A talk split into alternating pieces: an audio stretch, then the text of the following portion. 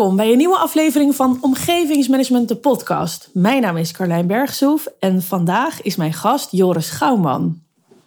Welkom Joris. Dankjewel. Wil je wat meer vertellen over jezelf? Nou, ik uh, ben uh, omgevingsmanager.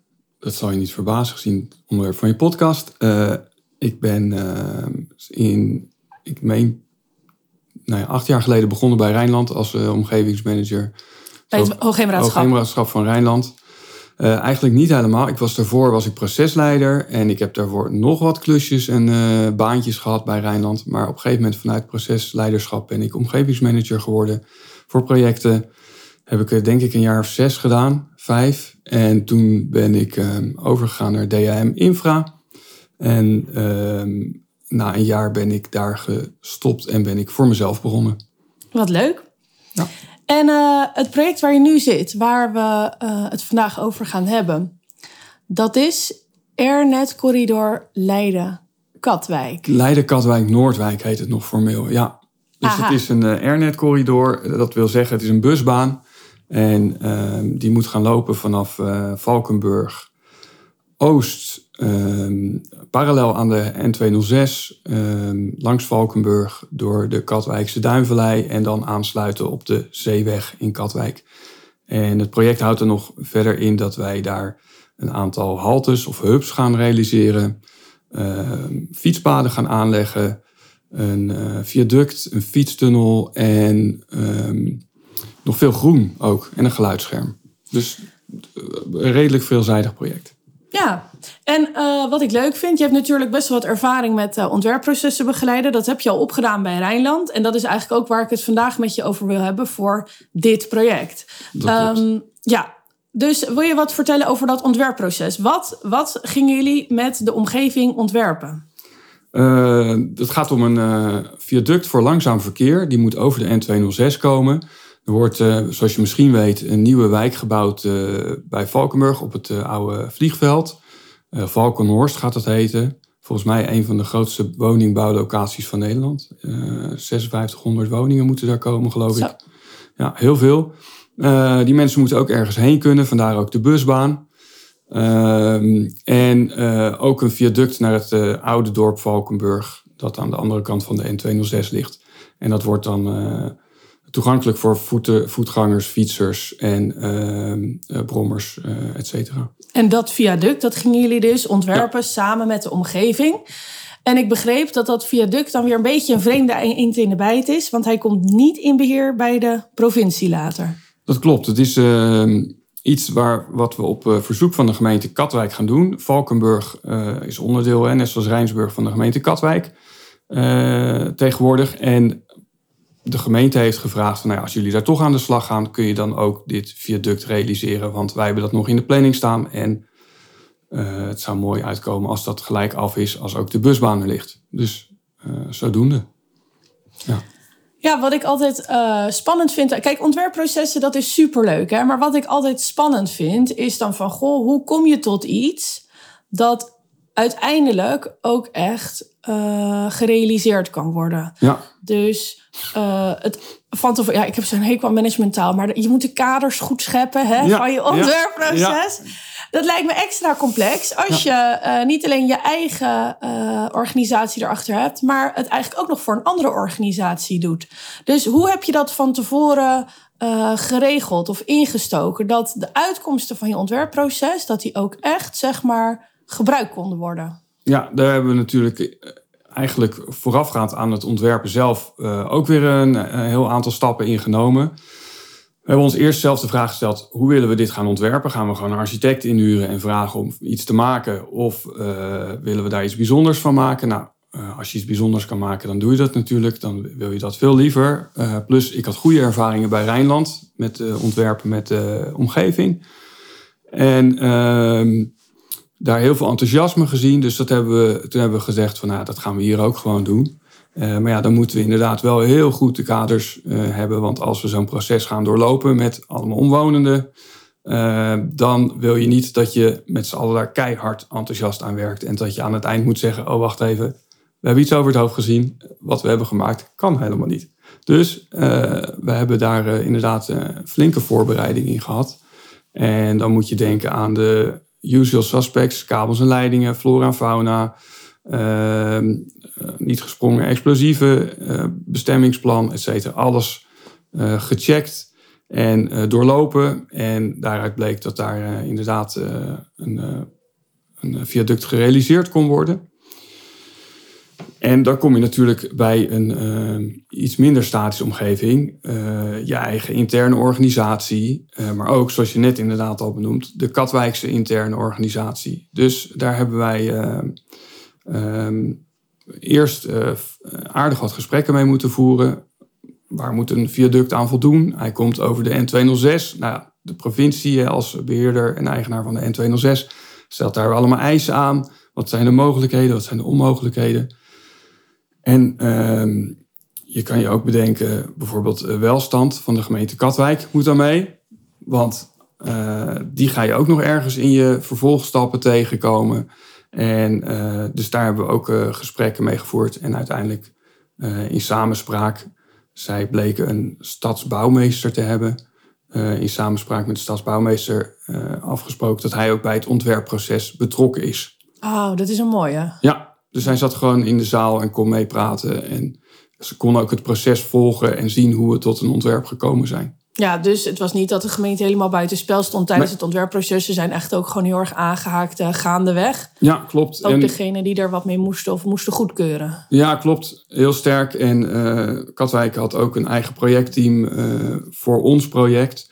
En die, zijn, die mensen zijn ook betrokken. Daar hebben we gewoon ontzettend goede samenwerking mee gehad. Dus dat was heel prettig, ja. Nou, leuk. Echt een best practice dus. Ja, Hey, en dan uh, zo'n ontwerpproces, daar speelt zo'n uh, een architectenbureau, neem ik aan, ook een hele uh, grote rol in. Ik bedoel, dat doe je niet alleen vanuit opdrachtgeverszijde. Nee. Dus ja, um, hoe ben je aan de architect gekomen die, die je hierin ondersteunde? Um, dat is, we hebben Stijn Kolen benaderd van Bos Labbers. Hij was landschapsarchitect voor um, de Rijnlandroute, de N206, een project dat nu speelt daar en wat verdiept wordt aangelegd. Um, en onze projectmanager had goede contacten met hem, dus we hebben hem gevraagd. Het is ook wel goed om te bedenken, denk ik, um, als je met zoiets start, dat je ook je architect goede instructies meegeeft. Uh, en ook eens bij je architect polst van staat hij hiervoor open? Want uh, een grappige anekdote is wel, wij uh, vertelden dit aan een andere architect, die we absoluut niet van plan waren om in te huren hoor, uh, vooraf. Maar vertelden we dit verhaal, dat we dit zo gingen aanvliegen. En die reageerde heel verontwaardigd. En uh, dat was denk ik een van de oude school. Die zei, um, ja, als je dat gaat doen met mensen ontwerpen, krijg je allemaal RTL 4 ontwerpen. En daar, zit, daar zit niemand op te wachten. Ja. Dus wij dachten, oké, okay, we moeten wel even een goed gesprek voeren als we eenmaal echt een architect gaan betrekken. En uh, dat was Stijn. Stijn heeft op zijn beurt weer Michel Heesen van Zwart Jansma betrokken als architect. Ehm, dus we hadden een landschapsarchitect en een architect aan boord. En die zijn dat proces gaan trekken. En als je dan zegt je moet goede instructies geven, want je wil geen RTL 4 ontwerp eindigen, uh, dat begrijp ik allemaal. Maar wat versta jij onder goede instructies? Ja, even, misschien eerst. Kijk, wij waren niet bang voor een RTL 4 ontwerp. We dachten dat die architect die dat zei gewoon een beetje van de oude school was, zoals ik eh, net zei. En dus daar waren we niet bang voor. We dachten alleen wel, we moeten kijken of we een architect hebben die dit ook echt wil. En niet iemand die denkt, oh ja, ik ga daar zitten uh, vier avonden met een groep. En uiteindelijk doe ik gewoon waar ik zelf zin in heb. Want dat risico heb je wel een beetje uh, als je iemand betrekt die daar op een andere manier naar kijkt. Dus we hebben echt eerst uh, goed gesproken, hebben hier hetzelfde beeld bij van wat we hier gaan doen. Dus je tip is met name, denk ik dan, om te kijken van... goh, is een architect omgevingssensitief... en heeft ja. ook echt affiniteit ja. met ontwerpprocessen begeleiden... Ja. samen met omwonenden. Exact, ja. En hoe ziet hij dat? Nou, en Stijn had er wel uh, best wel heel wat ervaring al mee in andere projecten. Dus uh, ja, dat klonk uh, heel goed. En uiteindelijk hadden we daar allemaal heel veel zin in. Ja, ja leuk. Ja. Dus je hebt de opdrachtgever, je hebt de eigenaar, je hebt de architect. En dan heb je het belangrijkste nodig, de, de omwonenden die echt in de ontwerpgroep zitting gaan nemen. Ja. Hoe heb je die geselecteerd of gevonden? Um, eigenlijk zoals omgevingsmanagers altijd de mensen vinden. Via informatieavonden. We hebben een informatieavond georganiseerd uh, in Valkenburg. En uh, dat ging en om de start van ons project en om het werven van mensen. En daar sta ik een aantal mensen hun hand op. Nou, hartstikke fijn. Die wilden wel meedoen. We hadden zelf bedacht, we willen een mannetje of 15. We hebben een goede zaal, kunnen we in twee groepen verdelen. Kunnen beide architecten aan de slag. En ehm, ehm, dat was een beetje waar we naar streefden. En, dus, en toen hebben we nog een advertentie gezet in een lokaal krantje. Uh, krantje. Ik geloof dat Katwijk 60.000 inwoners heeft. Dus een lokale krant. Uh, en ehm, we hadden zelf ook nog een aantal partijen op het oog die we heel graag erbij wilden hebben. Zoals uh, de Fietsersbond, Gehandicaptenplatform. Um, nog eh, BPD is projectontwikkelaar die met Valkhorst aan de slag gaat. Daar hadden we natuurlijk raakvlakken mee. Dus we hadden zo een aantal partijen geselecteerd die we er graag bij wilden hebben. En die we ook persoonlijk hebben uitgenodigd. Ja, mooi.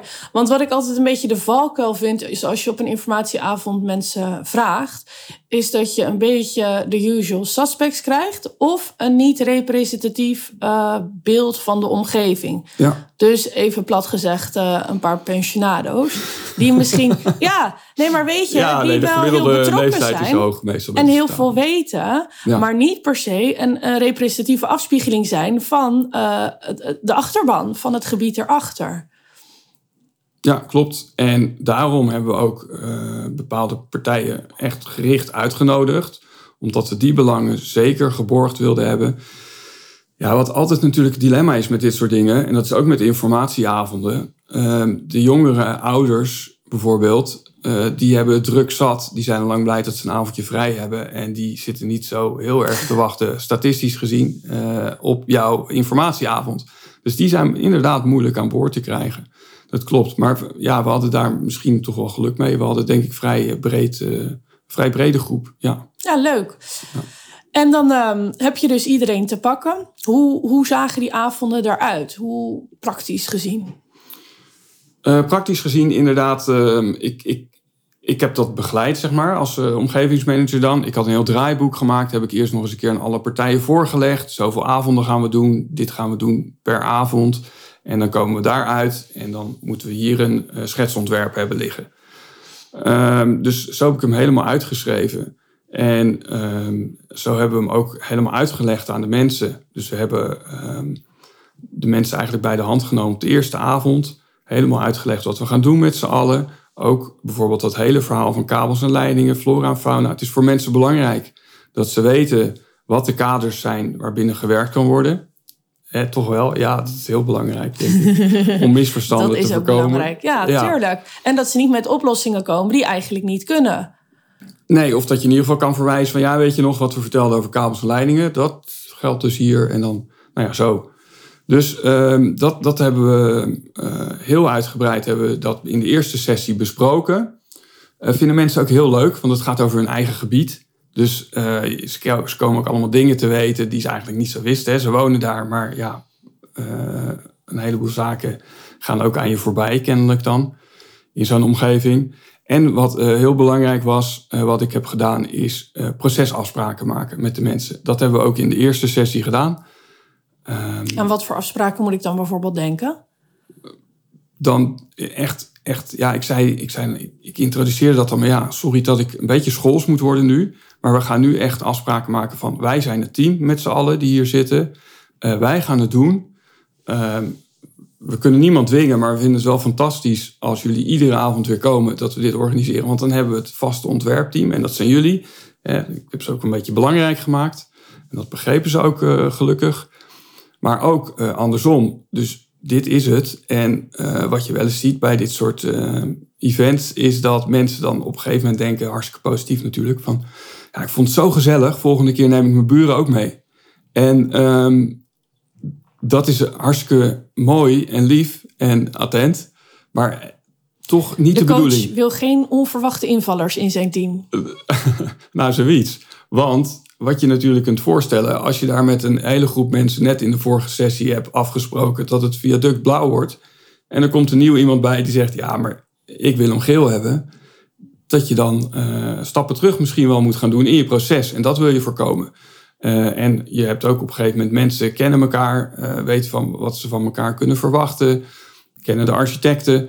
En je weet niet wat een nieuw iemand nog gaat inbrengen. Dus dat, dat is wel iets waar je echt uh, heldere afspraken over maakt. Ja. ja. mooi. En dan het resultaat. Wat is er uit de sessies gekomen? Ehm, het resultaat was uh, een, uh, ja, een prachtig viaduct uiteraard. Wat gewoon ontzettend gaaf was om te zien... is dat er een enorme dynamiek in die groep zat. Ehm, ook uh, wat, wat, wat grappig is om te vertellen, we hadden dus uh, alles uitgerold, er allemaal tekenvellen met plattegronden en mensen konden lekker aan de slag gaan. Dat deed dus niemand. Iedereen zat een beetje op zich heen te kijken. We zeiden van nou, we gaan nu ontwerpen na al die introductie en uh, procesafspraken en we gaan nu ontwerpen. En ehm, de eerste vraag die de architect stelde was, ehm, mensen wat willen we hier? Willen we iets groots? Optuigen, hè, echt een iconisch iets in het landschap, of willen we ingetogen ehm, een ontwerp dat meer um, opgaat in het landschap? En dat werd dus het laatste. En er is een beetje gesproken over vormen en zo. En toen uh, zei de architect van nou, eh, mensen, we gaan nu ontwerpen dan met z'n allen. Nou, dat vonden ze wel eng. Dus toen... Wat maakte dat het eng was? Ja, misschien toch ja, ineens moeten mensen gaan tekenen. Doen ze normaal nooit. Lagen overal stiften, uh, potloden. Je kon alles doen wat je wil. Alle kleuren waren aanwezig. uh, maar dat, dat werkte dan weer niet zo. Dus uh, toen waren we ook blij dat we twee groepen hadden. Met allebei een van de architecten aan het hoofd. Nou, en die gingen dan tekenen. En dan durfden mensen wel te zeggen... ja, dit moet iets meer zus, dat moet iets meer zo. Ga je praten over materiaalgebruik, over kleuren... over veel groen of niet... of nou ja, hè, dat soort zaken komen allemaal aan bod. En wat je zag, dat is dat er enorme uh, enthousiasme in de groep zat, ook bij de architecten.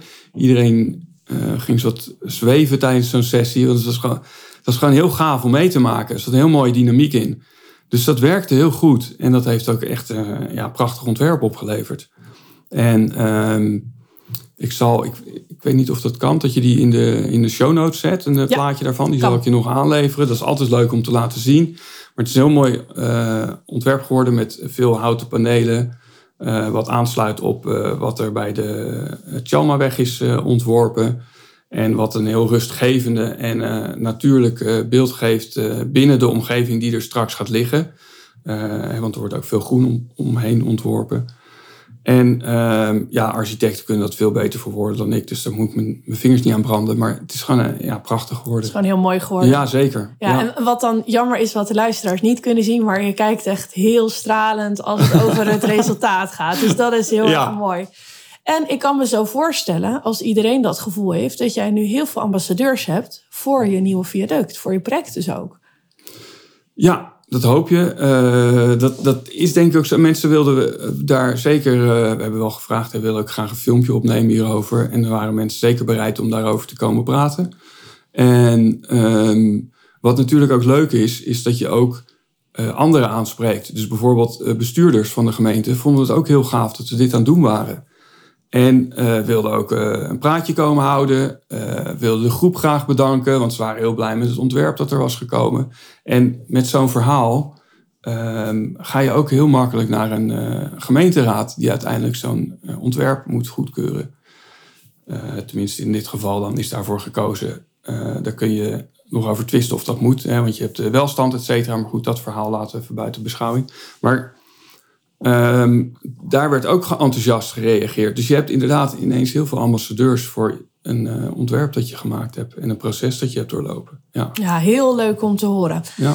Ik uh, eindig de podcast altijd met tips voor andere omgevingsmanagers. Welke tip heb jij? En bedoel je dan een tip uh, over dit onderwerp of omgevingsmanagement in het algemeen? Wat jij wil. Wat ik wil. Ehm, ik zou denken, als je zo'n proces eh, start, zorg inderdaad dat je kaders heel helder zijn. Zorg ook dat je een kostendeskundige mee hebt lopen, uh, die je af en toe uh, kan bevragen van zitten we nog binnen het budget. Hè? Dat is ook niet onbelangrijk. Um, en dat je heel regelmatig nog even de thermometer erin steekt bij uh, beheer en onderhoud, bij alle interne clubs die je moet betrekken uh, bij zo'n proces. Ja. Nou, lijkt me een hele goede, mooie afsluiter. Ja. Dankjewel voor je verhaal, uh, Joris. Vond het echt heel leuk om te horen. Dankjewel, graag gedaan. En uh, voor de luisteraars, bedankt voor het luisteren. Mocht je het leuk vinden om meer te leren over omgevingsmanagement, de volgende cursussen zijn op 21 februari en 17 april. Bedankt voor het luisteren.